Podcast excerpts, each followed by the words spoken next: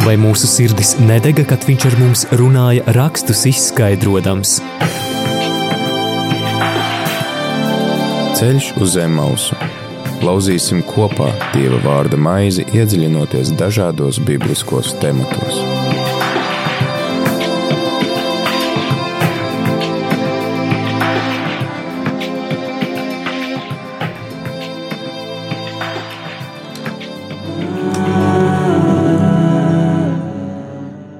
Radījumā arī Latvijas klausītāji ir 4 un 1 minūte 4. pēcpusdienā, 1. oktobrī. Ar tevi ēterā priesteris Pēteris Skudra un laiks raidījumam ceļš uz Emmausu. Šodien raidījumā turpinam lasīt otro mūzus grāmatu. Esam tikuši līdz sastajai nodaļai. Šodien tad arī apskatīsim pirmos 13 pantus. Kopā ar mums šajā raidījumā Lutāņu mācītājs Kaspars Simonovičs. Labdien visiem! Prieks eh, dzirdēt tevi šeit atkal jaunajā sezonā.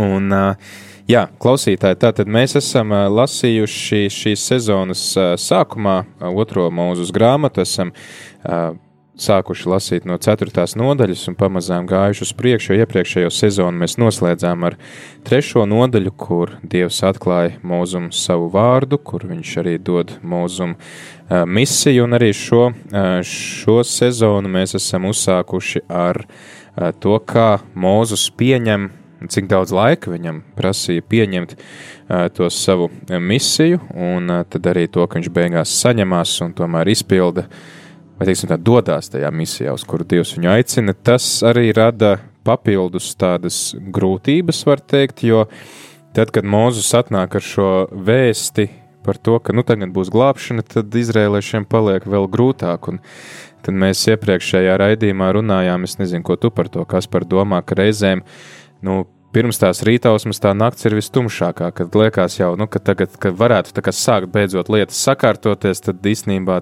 nu, arī psiholoģijā bieži vien runā par tām krīzēm, nu, ka tikai pateicoties krīzē, tu vari sākt kaut kādu jaunu vispār kvalitāti dzīvē veidot. Jā, es domāju, ka tas ir ļoti precīzs novērojums un e, ne tikai lūk, e, psiholoģijā, cilvēka domāšanā, bet arī patiešām arī pašā dabā. Arī šajos dabas procesos ir ielikts šis uh, nu, tāds savu veidu likums, vai ne, ka pirms, lūk, saule lec, pirms tā sāk sildīt, parasti ir ne tikai nu, tumšāks, bet arī ir augsts parasti? Mm. Tie, kas ir gulējuši teltīs, kādreiz to ļoti labi zina, ka tu liekas it kā esi ieritinājies, tev ir romulīgi, bet kaut kādā brīdī no rīta ir tik augsts, pirms vēl tā saulīt sāk tavu dzīvi sildīt. Un es domāju, ka garīgajās lietās ir ļoti, ļoti līdzīgi, mm -hmm. ka pirms um, kaut kāda nozīmīga pavērsiena, pirms ir iespēja kaut kam labam izveidoties, nu tur ir jāiziet cauri tām tumšajām ielām. Jā, bet tas tad arī reizē ir man gan ienāca prātā uh, Uh, anekdote par uh, diviem draugiem, kas satiekās tur uh, pēc kāda ilgāka laika. Un, uh, viens saka, nu, kā tev iet? Viņš saka, nu, neko, reku pabeidzu mācības, nu, pēc augstskolas, un reku draudzene ir, un, un jau sāku strādāt, varu atļauties īrēt dzīvokli un tā. Un, tas, uh, tas saka, nu, jā, man, man kaut kā, nu, tā vispār no tā nekas nav sanācis. Tāds, nu, tāds, nu, tā, tā baigi, baigi grūti iet pa dzīvi. Un tas draugs viņam saka, nu, ir dzīvē baltās strīpas, ir melnās strīpas un tā. Tagad viņi satiekās vēl pēc kāda laika, un, un tas pirmais saka, nu jā, es jau esmu te uzņēmuma vadītājs, un mēs sievu esam aprecējušies, mums ir trīs bērni, mums ir māja, un mēs dodamies ceļojumos, kā tev iet. Viņš saka, nu toreiz bija baltā strīpa. nu, tas, tas gan, bet jāsaka tā, ka tas vērtējums par to, kas ir balts un melns, viņš ir ļoti subjektīvs. Ja? Mm. Ļoti subjektīvs ir šis vērtējums. Un patiesībā tikai retrospektīvi skatoties, mēs kaut kā pūslīdz varbūt spēsim novērtēt. Nu, tieši tā kā šajā anekdotē, ja? ka tu paskaties atpakaļ, nē, tu saproti tomēr, tā bija baltā strīpa. Jā, jā, jā. Tas nozīmē to, ka mums ir jābūt vienkārši pacietīgiem mūsu, mūsu garīgās dzīves ceļā un vispār arī ikdienā, jo grūtības nāk, un, un tās nenāk bez, bez mēra. Arī tagad liturģijā mēs lasām īņķa grāmatu, kas tieši parāda to, ka, lai kāds ļaunums mūs piemeklētu, viņš vienmēr ir ierobežots un viņam vienmēr ir beigas. Un pēc šī ļaunuma vienmēr nāk kā dieva uzvara un kaut kāda arī tā dieva mācība, ko viņš ir gribējis dāvāt vai nu mums, vai kādam citam. Lūk, klausītāji, tad šoreiz lasīsim tālāk otro mūzes grāmatu, aicinu tevi atšķirt sesto nodaļu un uh, lasīsim atkal tādu dieva apstiprinājumu, to, ka viņš dod solījumu, un viņš būs arī uzticīgs šim solījumam. Par to tad arī šīs dienas fragments.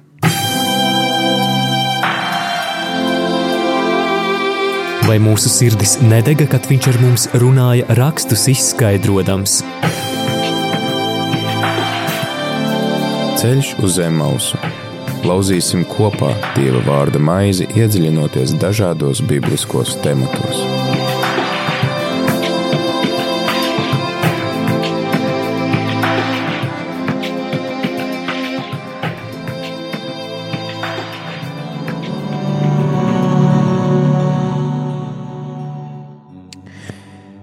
Kungs teica Mozum: Tagad tu redzēsi, ko es darīšu faraonam Ar stipru roku es likšu viņam tos atlaist, un ar stipru roku es likšu viņam izdzīt tos no viņa zemes.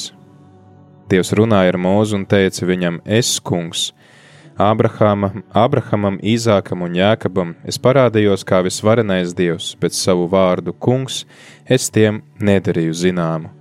Es gan slēdzu ar viņiem derību, ka došu tiem kanāna zemi, kur tie bija apmetušies kā svešinieki un es dzirdēju Izraēla dēla vaidus, ka viņus paverdzina eģiptieši, un es atcerējos savu derību. Tādēļ saki Izraēla dēliem: Es esmu kungs, es izvedīšu jūs no Eģiptes jūga, izglābšu jūs no vergošanas, un es izpirkšu jūs ar izstieptu elkoni un varenu tiesu. Es ņemšu jūs sev par tautu un es būšu jums par dievu, un jūs zināsiet, ka es esmu kungs jūsu dievs, kas izvedis no jūs no Eģiptes zemes, Eģiptes jūga. Es aizvedīšu jūs uz zemi, par ko es zvērēdams pacēlu savu roku, lai dotu to Abrahamam, Īzākam un Jākabam, un es došu to jums par īpašumu, es kungs. Un Mūzus tā sacīja Izraēla dēliem, bet viņi neklausījās Mūzu izmisuma un smagās verdzības dēļ, un kungs teica Mozum: Ej, runā ar Ēģ Ēģiptes ķēniņu, faraonu, lai viņš atlaiž Izraēla dēlus projām no savas zemes. Un Mūzus runāja kunga priekšā: Redzi, Izraēla dēli mani neklausīja, kā tad mani klausīs faraons? Es esmu ar neapgriezītām lūpām. Tomēr kungs runāja ar Mūzu un Āronu un pavēlēja tiem iet pie Izraēla dēliem un pie Eģiptes ķēniņa faraona, lai izvestu Izraēla dēlus no Eģiptes zemes. Ceļš uz zemes mausu.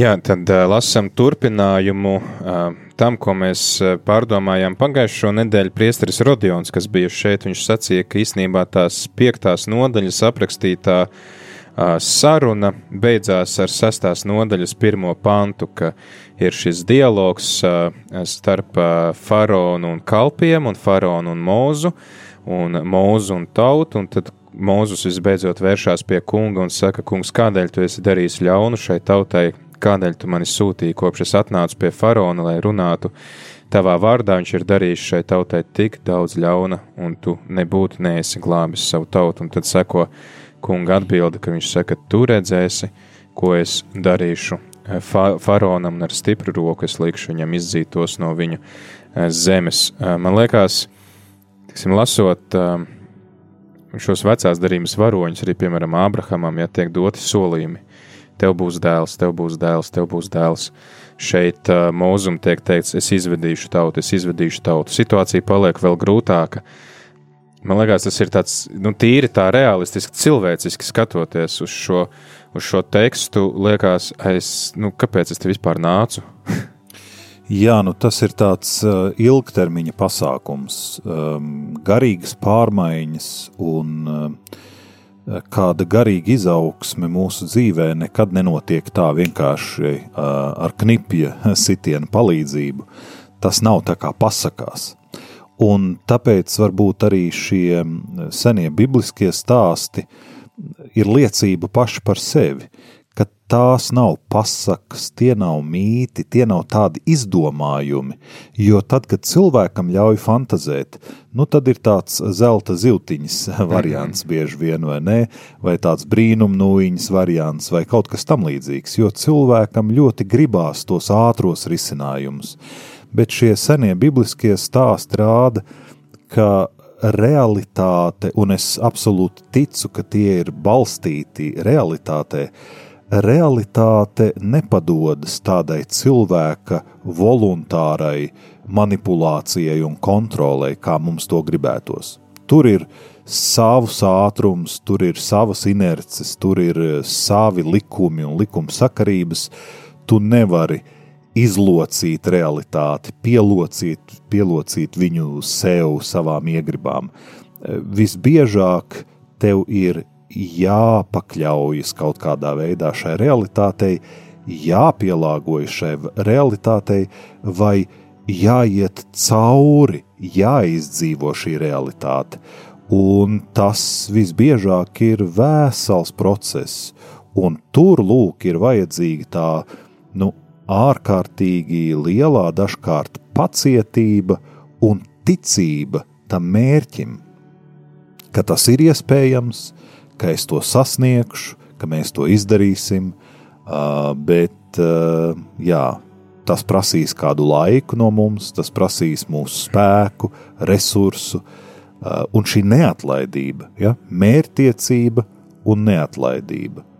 Un, protams, ka tā jau nav balstīta nu, mūzu pašā par laimi. Hmm. Tā mērķtiecība un neatlaidība balstās ticībā un paļāvībā uz Dievu, jo Viņš ir tas pamats, uz kura uh, piepildās šī apsolījuma. Kurš, kurš dod to sūtību, un tad uh, tas arī sasaucās ar to, ko ar uh, Svētais Ignācijas sacīs, ka tās ilgas, kas ir mūsos, mums viņām ir jāseko, jo visbiežāk tās ilgas jau arī Dievs mūsos pašos ieliek, lai mēs. Nu, protams, ka tai pašā laikā ir arī tieši tā izjūta, ko tu sacīji, bet, bet ko es te daru? Mm. brīžos, kad nu, tik ilgi liekas, nekas nenotiek. Ne? Un, un, un kā jau runājām pirms mirkļa, pirms tā saulēkta vēl pavisam tumšs, pavisam augsts un liekas, paliek tikai sliktāk. Mm. Līdz ar to, un arī šeit uh, ir šie senie stāsti, uh, šaubīties ir tik cilvēcīgi un tik piederās pie reālās dzīves. Un tas man liek domāt, ka no šīm šaubām nevajag baidīties un nevajag vairīties. Tā ir dabiska cilvēka reakcija, un šaubām ir vieta cilvēka garīgajā dzīvē. Nu, ja tās šaubas, protams, izmanto kā iespēju, lai augtu tajā savā uh, izpratnē, ticībā vai garīgajā dzīvē, nevis ka man parādījās šaubas, un tas visam tagad atmeta roku, un ka ah, tas jau nav svarīgi. Tas īstenībā tā viss ir apšaubāms. Jā, nu es pat gandrīz vai teiktu, nevis tas īstais pieejams būtu nevis vienkārši ļauties šīm šaubām, bet viņas vispirms akceptēt. Vispirms pašu šo faktu pieņemt, jo man liekas, ka daudz cilvēki uh, Viņiem ir grūtības pieņemt pašu šo faktu. Mm. Viņiem liekas, ka, ja Dievs man kaut ko ir apsolījis, tad tam jābūt ir rīt uz pusdienas laiku, apmēram. Mm. Un tad, kad kaut kas neiestājas un nenotiek, un tu sāc pamanīt sevī jau kaut kādu nedrošību, tad cilvēki sevi tā kā iekšēji aprāja, ka nē, nē, nu, tā ir tāda neticības pazīme, tas nav labi, es nedomāšu par to tādā veidā.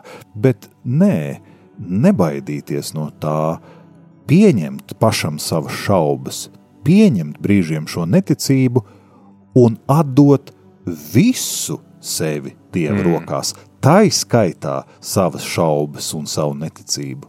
Es atceros, ka kādreiz mūžīgo mieru mums seminārā bija tāds garīgais vadītājs, Monsignors Smelters, un viņš teica, ka nu, reizēm dieva priekšā ir jānes arī to nu, mēslu spaini, jo nekā cita jau mums nav. Precīzi. Un, un tad Dievs to mēslu spaini var atkal izgāzt ārā un iztīrīt un piepildīt ar žēlastību un, un atdot mums atpakaļ ar to, kas mums ir vajadzīgs. Uh, man, jā, man nāk prātā tas, ko tu minēji par to, ka mēs sākam šaubīties uh, saula gadījums, ka saules. Uh, Uh, viņam bija tā situācija, ka Samuēls ir pateicis, ka es nākšu pie tevis un mēs upurēsim, un tad tu varēsi iet karot. Un Sauls uh, nevar sagaidīt to Samuēlu, jo Samuēls ir kaut kur aizkavējies un pats sāk pienest tos upurus. Viņš saka, kāpēc tu to darīji, ka tu izsauc dieva dusmas. Viņš saka, es vienkārši negribēju, lai izklīst nu, vīri. Tātad mēs kaut kā mekl, sākam meklēt to savu drošību ārpus tādiem dieva apsolījumiem, ka, re, kur man būs apdrošināšana, man būs stipras, stipra armija.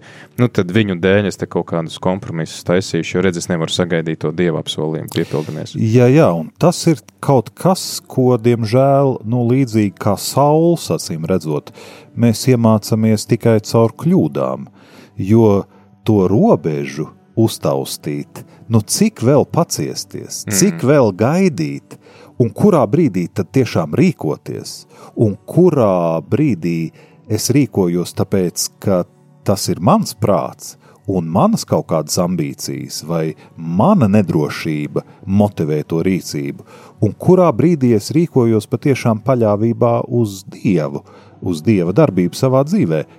Tās robežas, nu, tās iemācās, diemžēl, tikai caur sāpīgām dzīves pieredzēm. Ja, kur ir paļāvība, kur jau ir pārgalvība, kur ir mana iniciatīva, kur es jau sāku jau dieva vietā, jau pieņemt lēmumus. Un, un atkal atcaucoties uz tevis minēto Saulu un Samuēlu, tur kādreiz redzi, ir vajadzīgs vēl tas otrs cilvēks, kurš tajā garīgajā ceļā ir maz drusciņš jau pagājis tev pa priekšu, mm. un viņš zina tās kļūdas, un viņš var pamanīt viņas tur, kur tu pats vēl tās neredzi, un tā draudzīgi tev pateikt priekšā.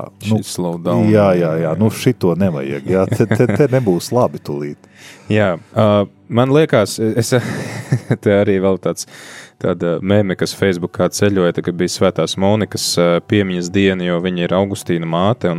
Tā leģenda ir tāda, ka no Augustīnam, nu tā nav leģenda, tas ir fakts, ka viņam bija ļoti vētraina jaunība. Uh, Un ļoti ilgi viņam tā vētrainā jaunība gāja, un, un viņa māte esot ārkārtīgi pacietīgi lūgusies. Un es atceros, bija tā meme, ka kāds cilvēks sūdzās, nu cik ilgi es varu lūgties, es jau tik ilgi esmu lūdzies kādā nodomā, un tad ir uh, svētā Monika, kas prasa, cik ilgi tu lūdzies, jo viņa esot 40 gadus pavadījusi dien dienā lūdzoties par savu dēlu atgriešanos. Un es domāju, ka arī šeit uh, mūzum arī droši vien ir tas, ka, nu, pagaidi, es piekritu tu mani sūtīji, es piekritu, situācija paliek vēl grūtāka.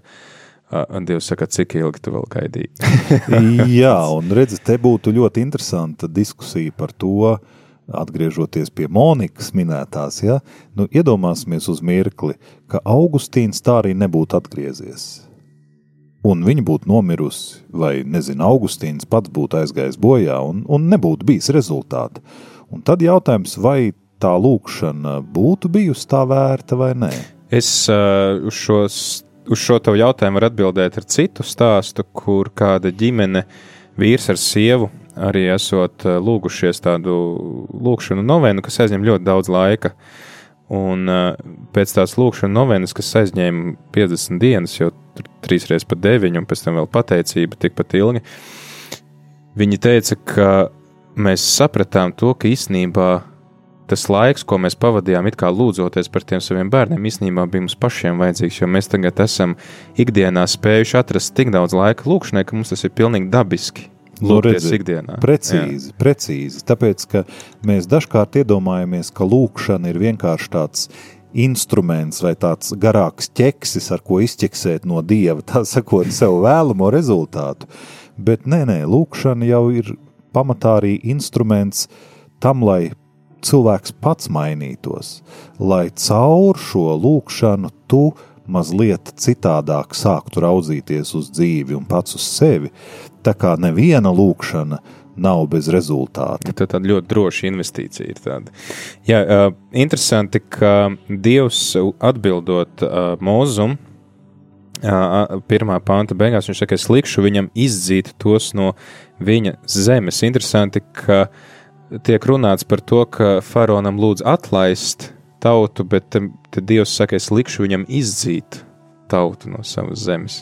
Tas jau tā tāds, laikam, pravietojums par to, ko mēs lasīsim pēc tam 16. nodaļā. Jā, nu pavisam neapšaubām, jā. Protams, protams, jo šajā mirklī, stāsta šajā mirklī jau nu nevienam tur no vadības, tā sakot, nav nevis mazākās vēlēšanās viņus atlaist, vai ne? Un šie dieva sacītie vārdi ir tiešām tāds apliecinājums, ka tur paies laiks, un tie viedokļi ļoti krasi mainīsies. Bet tas varētu būt arī, arī nu, sasaiste citu svēto rakstu vietu, kas saka, ka Dievs mums dod vēl vairāk nekā mēs varam iedomāties. Ja mēs gaidām, ka mūs atlaidīs, tad viņš panāks, ka mūs pat paši tie cilvēki dzēn ārā. Nu, teiksim, šeit izredzētās tautas kontekstā. Un reizēm, kas prasa varbūt kaut ko dievam vienu, viņš īstenībā savā tajā nu, mīlestībā dos man vēl, vēl vairāk nekā es viņam spēju vispār iedomāties lūgt. Jā, tā var būt, bet atkal droši vien nu, neustversim to par normu. Ja? Tas tāds nu, pārsteigums kādreiz mēdz gadīties, bet nu, nesagaidīsim to kā tādu jābūtību, kurai vienmēr mm. jāpiepildās.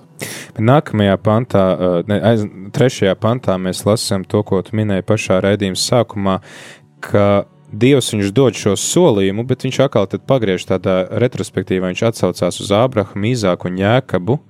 Es parādījos kā visvarenais Dievs, bet savu vārdu kungs. Es tiem nedarīju zinām, kas tad būtu Jahve. Jūdi tātad svētajos rakstos visur šo dieva vārdu Jahve aizstāja ar Adonai, laikam, ja, kungs, lai neizrunātu dievu vārdu nevietā. Man liekas, ka tas arī ir tāds aicinājums, tas, ko arī pēc tam vēstulē ebrejiem saka, ka atskatieties uz tiem, kas bija pirms jums, kā viņu dzīves gāja, un tad izdariet secinājumus par savu dzīvi. Ja man Dievs dod solījumus, tie solījumi nepiepildās, man nav varbūt tādas savas personiskās iepriekšējās pieredzes, no kuras es varu izdarīt secinājumu, ah, ok, Dievs mani neuzmeta tajā reizē, tad, nu, droši viņš arī neuzmetīs šobrīd. Bet tad arī skatoties uz to citu cilvēku piemēriem, kas ir bijuši varbūt gadu tūkstošiem pirms mums, ka viņš viņiem ir bijis uzticīgs, tad kāpēc lai es būtu izņēmums? Jā, es varētu pavisam piekrist šādai interpretācijai, un es vēl varētu piebilst, ka, nu, zin kā, uh, um, geometrijā saka, ja, ka starp diviem punktiem var novilkt taisni. Nu, tad šeit ir vairāki tie punkti. Ābrahāms, Īzaks, Jēkabs, Mūzus. Nu, nu, tā kā mēs runājam, Dievs vēl pieliek klāt pāris punktus. Ja? Viņš saka, nu nešaubies par šo perspektīvu. Un šeit Dievs iezīmē perspektīvu, ne tikai to pagātnes perspektīvu, ne tikai to, ka, lūk, es jau darbojos pirms vēl tevis krietnu laiku, bet viņš iezīmē šeit to vektoru. Ja, viņš, viņš tā kā zīmē to vektoru, lūk, tas sākās tur, bet mm. tas turpinājās, tas turpinās caur tevi, un tā līnija turpināsies vēl uz priekšu, un tur tā būtiņa galā, ja? tā kā nešaubies par to. Bet te ir viens šajā pantā, ja mēs pieskaramies tieši šim, ir viens ļoti interesants aspekts, par kuru varbūt arī ir vērts aizdomāties. Viņš saka uh, savu vārdu, kungs, lūk, pareizi, Jahve, es tiem nedarīju zināmu. Lai gan īstenībā, ja mēs lasām par to pašu Abrahāmu, mēs ļoti skaidri lasām, uh, kā Abrahāms uh, uzcēla kungam altāri un gāja pielūgt kunga vārdu. Tieši kunga, Jahves vārdu, kas nozīmē tehniski Abrahāms zināja kunga vārdu. Kā, kā tas ir, jo, jo viņš jau tikai degošajā krūmā pasakā, ka es esmu, kas esmu. Jā, jā, bet saproti, bet es saku, um, pirmās mūzes grāmatas, šķiet, 12. nodaļa, tur ir ļoti skaidrs sacīts, ka Ābrahāms gāja pielūgt Jahves vārdu. Mm. Un varētu likties, o, oh, pagaidi, pagaidi, te kaut kāda pretruna vai kaut kāda nu, tāda anahronisms. Kaut jā, kāds, kaut kas jā, pēkšņi vai ne tāds dīvains, kāpēc viņš vienā brīdī saka tā, un, un tur atkal tas liekas, ka pas, pašsaprotami. Bet šeit um, to šķietamo pretrunu um, tā kā mīkstina vai varbūt izskaidro šis vārdiņš zināmu. Tur saknē ir uh, zināmais vārds jādā, senebreju vārds, kas nozīmē zināt, atzīt, kuru bieži vien lieto arī seksuālu attiecību mm. apzīmēšanai, vai ne? Kas ir tāds iepazīšanas, saplūšanas nozīmē. Un proti, mēs varam iedomāties, ka visi pirms mūzus, kuriem varbūt tehniski bija zināms vārds Jahve, ka viņi šo vārdu zināja nu, vārda pēc. Nu, apmēram tā kā, piemēram, nezinu, pirmka, pirmklasniekam māca matemātiku. Viņa, viņš varbūt zina kaut kādu šo vārdu jēdzienu matemātika, bet viņam nav ne jausmas, kāds ir matemātikas saturs 12. klasē, vēl, mm. Viņam, viņš zina šo, vai, piemēram, cilvēks, vai nu, jaunietis vai bērns, kurš lieto vārdu mīlestība, piemēram. Bet viņam nav ne jausmas, ko vēl nozīmēs mīlestība, tad, kad viņš būs jau paudzies lielāks un iemīlēs kādu meiteni vai puisi. Respektīvi, tu vari zināt vārdu tehniski ārēji, bet tev vēl ir daudz laika, bieži vien vajadzīgs, lai šo vārdu piepildītu ar noteikto saturu. Tas arī mēs varam runāt par to, sauc, ko teoloģijā sauc par dieva pedagoģiju, ka viņš ļoti pakāpeniski atklāja cilvēkiem. Jā, ja, precīzi, un es domāju, ka te ir tas gadījums, ja, jo es saku, ja tā uzmanīgi palasa Bībeles tekstus, tad izskatās, ka arī Abrahams jau zināja vārdu Jahve, bet šī vārda pilnā nozīme patiešām atklājās tikai sākot ar mūzu, un tad jau uz priekšu aizvien vairāk un vairāk. Interesanti arī mēs iepriekš runājām par to, cik ilgi gaidīt. Starp mūzu un Abrahamu ir kādi 400 gadi. Tā šķiet, ir jā, aptuveni. Ja? Tad eh, rekurte pats Dievs saka, ka es slēdzu ar viņiem derību, ka došu tiem kanāna zemi, kur tie bija apmetušies kā svešinieki. Un īstenībā tikai ar, ar izredzētās tautas iesoļošanu tas, tas apsolījums piepildās. Mēs redzam, ka pat tas ir tāds solījums uz paudžu paudzēm. Nu, apmēram tā kā viena paudze iestāda tos ozolus, un tikai mazmaz bērni bauda to skaisto aleju, kas pēc tam aug, mums, nu, arī kaut kā laikam mācīties, arī raudzīties to, ka es šodien kaut ko daru tādu, kam es pats augļus nebaudīšu, bet baudīs tie mani bērni un mazbērni. Jā, un es domāju, ka tevis minētais piemērs par ozolu aleju vai, vai liepu aleju vai kas nu tā būtu, ir, manuprāt, atkal tāds ļoti labs, pašā dabā bāzēts. Hmm. Un redz, mēs, eh, pilsētnieki, liela daļa urbānā vidē dzīvojoši, 21. gadsimta cilvēki, kuriem visa dzīve ir tā sakot, pirkstu galos, kur čak, čak, čak, un tu uzspied uz ekrānu, un, un, un planšu data, planšet datoriem, un, un uh, vietu tālruņiem, un tu visu dabūni uzreiz un tulīt. Uh, Mēs esam aizmirsuši patiesībā šo patiesību. Mm. Mēs aizmirstam lēnām to patiesību. Mums šķiet, ka visu var dabūt uzreiz, tūlīt un ātri, bet ir kaut kādi procesi, kurus tu nevari pātrināt. Ne? Bērnu Tu vari ieņemt pāris sekundēs, bet, lai viņš piedzimtu, tur vajadzīgs ir deviņu mēnešu grūtniecības laiks, viņš ir gadiem jābaro ar krūti, jārūpējas un skat. Tikai tur 25 gadu vecumā viņš kvārgulīgi nostājas uz savām kājām, un, un es domāju, šī perspektīva, vai ne? Un es domāju, ka cilvēki, lauku cilvēki, kuri dien dienā joprojām vēl aizvien nodarbojas, piemēram, ar lauku darbiem, viņi tiešām labāk šo patiesību zina. Un tu mm. iestādi pie mājas eglīti, un tev ir pilnīgi skaidrs, tu neredzēsi viņu izaugušu lielu. Tie mm. tiešām būs tavi bērni vai mazbērni pat varbūt, vai ne? Tā kā tās ir tādas jā, investīcijas, kur um, tā perspektīva ir brīžiem tāda, nu, prātam neaptverama. Jā, man liekas, ka jūdiem mēs un daudzām šīm, varbūt tieši tādām dienvidu zemēm, mēs redzam to apziņu ka indivīds ir kā daļa no, no, no plašāka nu, teiksim, tautas vai no kaut kādas cilts vai dzimtas, un ka tā dzimta nav tikai tur brāļi, brālēni, māsītes, var varbūt līdz ceturtajai pakāpei, bet tās ir paudzes pirms un pēc. Ja? Um, tas ir kaut kas tāds, ko droši vien mūsu kultūra var mācīties.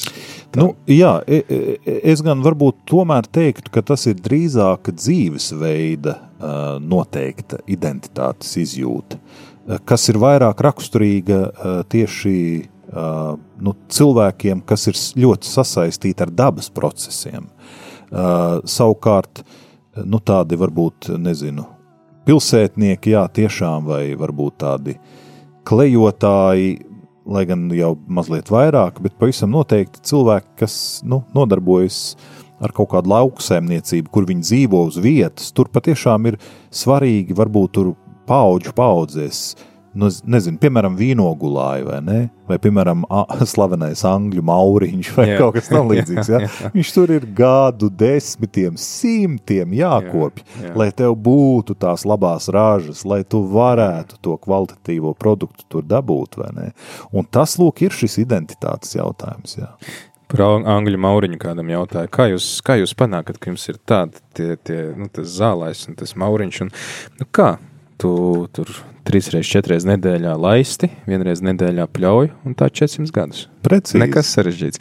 Ko laiks dziesmai, un pēc tās turpināsim ar šīs dienas sarunu par otrās mūzes grāmatas sestās nodaļas sākumu. Aicinam arī tevi, klausītāji, lasīt 1 līdz 13 pāntu un padalīties ar to, kas tevi uzrunā šajā tekstā. Varbūt ir kādas lietas, par kurām mēs neesam iedomājušies, un kas var uh, noderēt visiem mums. Tāpēc nekautrējies padalīties, zvani, raksti, mēs gaidīsim.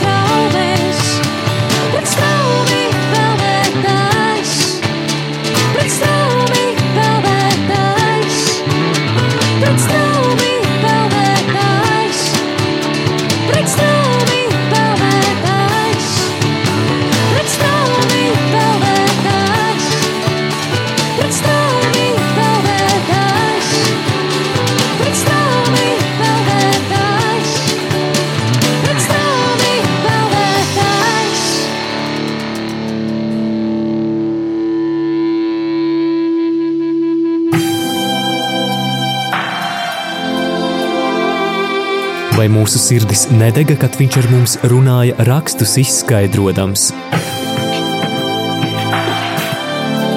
Ceļš uz zem mausu.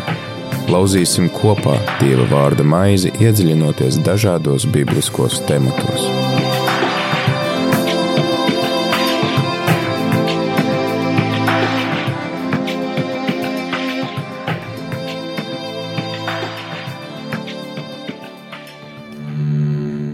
4,35 minūtes 4. 1. oktobrī joprojām ēterā raidījums Ceļš uz Zemausu. Ar tevi esmu es, Priesteris Pēteris Skudru, un kopā ar mums arī Lutāņu mācītājs Kaspars Simonovičs. Runājam par otrās mūzus grāmatas, par izceļošanas grāmatas sestās nodaļas sākumu. Līdz dziesmai tad pārunājām to, ka šis, nu, šie notikumi, ka kas norisinās pēc tam, kad Mūzes ir uzsācis it kā savu glābšanas misiju, aicina mūs būt pacietīgiem, aicina paļauties uz to, ka Dievs nepieviļ, pat ja viņš liek gaidīt, jo agri vai vēlu viņam vien zināmā laikā tie, noteikti, nu, tie apsolījumi piepildās. Te man nāk prātā apustulis Pēteris, kas raksta, ka viena diena ir kā tūkstoši gadi un tūkstoši gadi kā viena diena. Tā laika izpratne Dievam ir absolūti citādāk nekā mums. Nu, mērogs jau arī mazliet citādāks. jā, jā. Jā. Nu, tas jau 90. psalmā arī ir uh, aprakstīts ne, par šo, ka tūkstoši gadi ir kā viena diena. Un, uh, un es domāju, ka tas tālūk ir tā perspektīva, kas pārsniedz, daudzkārt pārsniedz cilvēka dzīves gājumu un, un pat paudžu gājumu? Jo tās, um, nu kā saka, dieva dzirna smaļi, lēni, bet labi. Mm. Un līdz ar to, nu, te droši vien ir par to jau ir visticamāk pietiekami daudz runāts, ka uh, ir šie divi bibliskie jēdzieni, chronos un kairos, mm. ne, kas ir chronoloģiskais laiks un tas laiks, uh, nu, kad beidzot ir pienācis īstais brīdis. Hmm. Un uh, mēs jau lielākoties dzīvojam tajā chronoloģiskajā laikā, uh, un, un, un, lai gan arī mums ir brīžiem nu, tādas pieredzes, ka mēs saprotam, ir, ir, nu tagad ir šis brīdis, un mēs arī mēs savus īsās dzīves ietvaros bieži vien pamanām šos īpašos mm. mirkļus, vai ne? Un es domāju, ka tieši tāpat arī cilvēks vēsturē ir jānobriest kaut kādiem faktoriem. Tas tāpat kā bieži vien tā diskusija, nu, kā tas tā var būt, ka kristietība, piemēram, izplatījās tik ātri eh, pa visu Romas impēriju, eh, vai, piemēram, kā tas nākas, ka, nu, piemēram, reformācija notika tieši tad, kad tā notika, vai, ne? vai kā tas nākas, Un tad, kad tu papēti sīkāk eh, tos vēsturiskos apstākļus, to kontekstu, tu saproti, ka tur vienkārši bija nobriedusi vesela virkne apstākļu, mm. kas, kas padarīja to iespējamu. Un tieši tas pats arī šeit. Tie daudzie vairāki gadsimti, kas šķira Abrahāmu un Mūzu, tur acīm redzot, tur bija jāgaida šis laiks, lai sakristu vajadzīgi apstākļi. Un tie varēja būt tas bija visticamāk apstākļu kopums. Tur vajadzēja būt kaut kādiem politiskiem apstākļiem, kaut kādiem dabas apstākļiem, kaut kādiem garīgiem apstākļiem, un tā tālāk, un tā joprojām. Līdz vienā brīdī, gluži kā ar Kristus piedzimšanu, tas laiks ir piepildīts. Mm. Un, un atkal, atkal līdzīgi kā dabas procesos, arī mums labi zināmos, tas ir tāpat kā bērna dzimšana. Tur ir jāpaiet laikam, un tam bērnam mātes miesās ir jānobriest, un tur ir jāsakrīt beidzot visam savās vietās, un tad sākas dzemdības. Hmm. Nu, tu izraus to bērnu ātrāk, viņš var aiziet bojā. Tu noturēsi viņu mākslīgi ilgāk mātes miesās, viņš atkal aizies bojā. Hmm. Bet tur ir jāsakrīt visiem tiem apstākļiem, un tas process notiek. Jā, man arī nu, Tad diezgan loģiski izriet nākamais jautājums. Šeit, 5. pantā, Dievs saka, un es dzirdēju Izraēla dēla vaidus, ka viņus paverdzināja eģiptieši, un es atcerējos savu derību. Tādēļ saka Izraēla dēliem, es esmu kungs, es izvedīšu jūs no Eģiptes jūga. Nu, vai viņš uzreiz jau neredzēja, ka viņus sāk paverdzināt? Nu, labi, tur varbūt ne tos 70, kas atnāca pie Jāzepa, ja? bet uh, varbūt tur tās divas, trīs paudzes vēlāk. Kāpēc? Jo mēs runājam atkal par kādām vairākām paudzēm, kas piedzīvo to visu verdzību, to visu smagumu, um, eģiptiešu neusticēšanos, ka redz jūdi varētu būt tie, kas tur pieslienās klāt uh, ienaidniekiem, kad ir karš. Kāpēc tad nu, dievam viņš nedzird, kamēr tas nekļūst gana skaļi? Vai, vai ka, kas... Es domāju, ka viņš dzird. Līdzīgi tas notiek atkal, jāsaka, ar daudzām citām norisēm mūsu dzīvē. Un varbūt, klausītājs kādreiz būs to novērojis arī pats pie sevis. Nu, ir tā, ka ar prātu tu saproti, kas notiek, kāpēc notiek, kā notiek, un vienlaikus tevī nav šī resursa, lai tu varētu šīs pārmaiņas īstenot. Un pienāk kaut kāds īstais brīdis, un tu saproti, tagad es to varu. Mm. Tas nav tik daudz ar saprāšanu saistīts vai ar dzirdēšanu saistīts. Tas, kā mēs nu pat runājām, tas ir saistīts ar kaut kādu apstākļu kopumu. Un man ir aizdomas, ka tai pašā, tai pašā Eģiptē, ja mēs patinam to filmu mazliet atpakaļ, vai ne? Eh, Jāzeps, kurš nonāk Eģiptē, ar viņa palīdzību Ēģipte sasniedz kaut kādu savu kulmināciju, vai ne? Viņi izdzīvo bada laikos, atcerieties. Apvieno visu zemi. Apvieno visu zemi. Viņi sasniedz nu, tādu, tādu pīķa status priekš sevis. Ja? Tur viņi ir spēcīgākie, faraons ir ietekmīgākais un tā tālāk. Un tad, jā, un tad Jāzeps tur uzaicina savus brāļus un tēvu, un tā tauta lēnām iedzīvojas. Bet atcerēsimies, ka tas, tas, eh, tas status, ko Eģipte ir ieguvusi, ko faraons ir ieguvusi, viņš jau nepazūd vienā dienā. Tur patiešām paiet vairākas paudzes.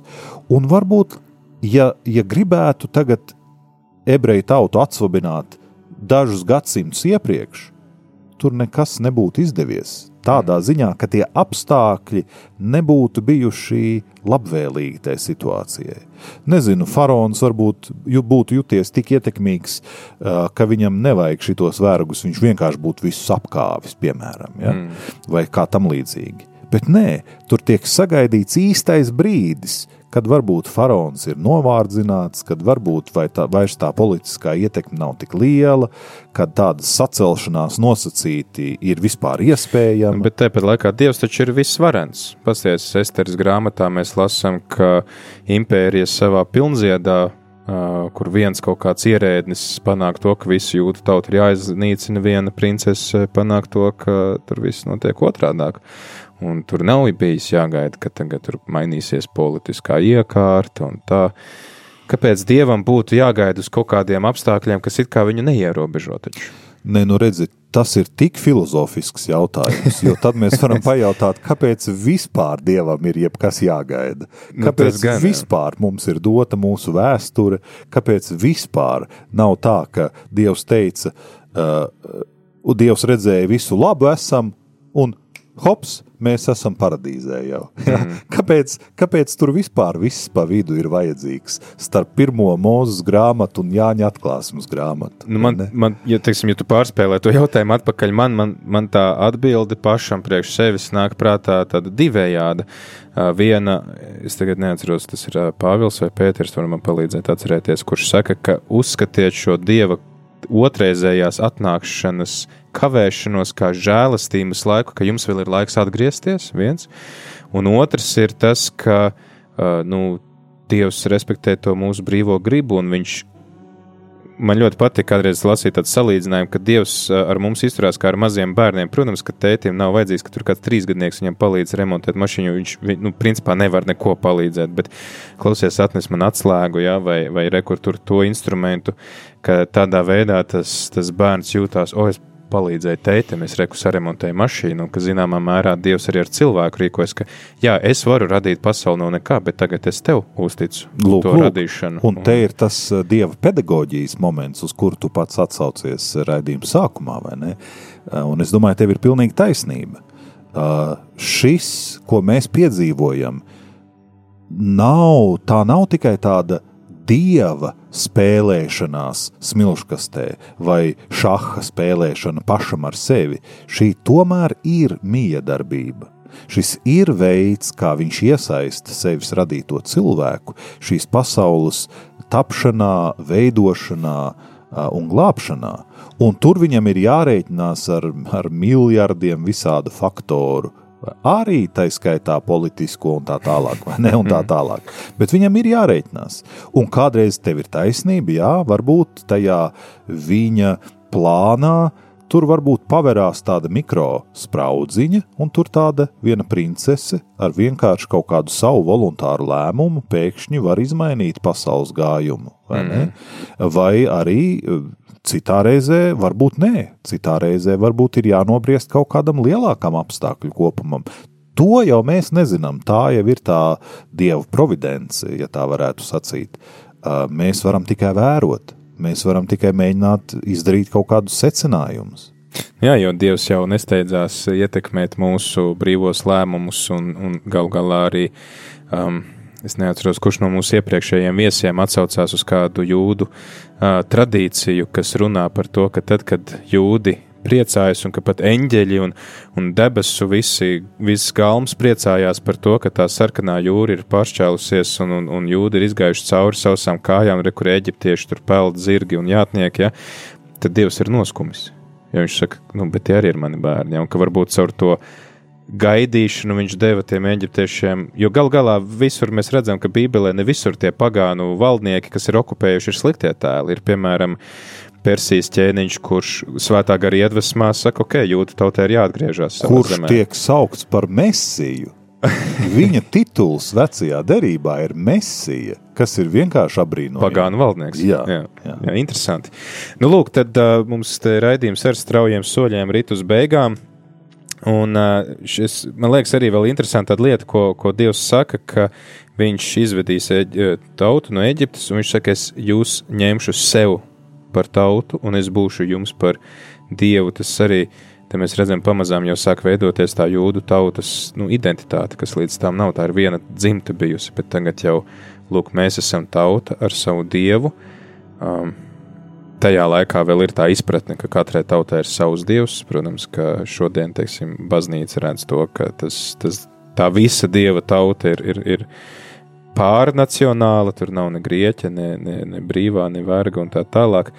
Bet te vēl interesants arī ir tāds uh, termins, ko Dievs saka, es zvērēdams pacēlu savu roku, un kur te vēl tālāk bija, ka viņš ar izstieptu elkoni Es izpirkšu jūs ar izstieptu elkonu un varenu tiesu. Jā, un man liekas, tas arī ir tā interesanti, ka uh, svēto rakstu autori dievam piedēvē tādas cilvēciskas īpašības, ka viņš ir tā tāds karotājs, kurš, tad, ja, ja viņš atbalstās uz tās rokas, tad, nu, tad viņš stāv stabili un nekas viņu nevar nogāzt. Uh, Man liekas, tas ir tā interesanti lasīt, teiksim, lasot svētos rakstus, ja mēs lasām, ka Dievs tur dusmojās, vai Dievs karo, vai, vai Dievs tur vēl kaut ir greizsirdīgs, ka tās ir, teiksim, tādas piedāvātas Dievam cilvēciskas īpašības, lai mēs viņu labāk varētu saprast, bet tas tikai, tā ir tikai ilustrācija. Jā, to vienmēr, to vienmēr vajadzētu atcerēties, ka tie ir tēli, tās ir mm -hmm. metafāras, tā nav burtiska valoda, dievam nav elkonis, uh, un, un tam līdzīgi uh, tās tiešām ir metafāras, lai pateiktu par dievu kaut ko. Un šajā gadījumā, lai pateiktu, ka viņš ir varens un ka uz viņu var paļauties.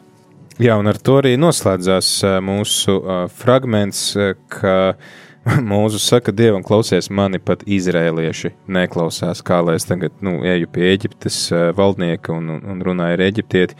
Bet uh, Dievs saka, viņš tomēr dod šo pavēli, lai tātad ietu pie Eģiptes ķeņa, lai izvestu Izraēlu dēlu no Eģiptes, dēlus no Eģiptes zemes. Um, man liekas, tas ir tāds, tāds iedrošinājums, ka lai cik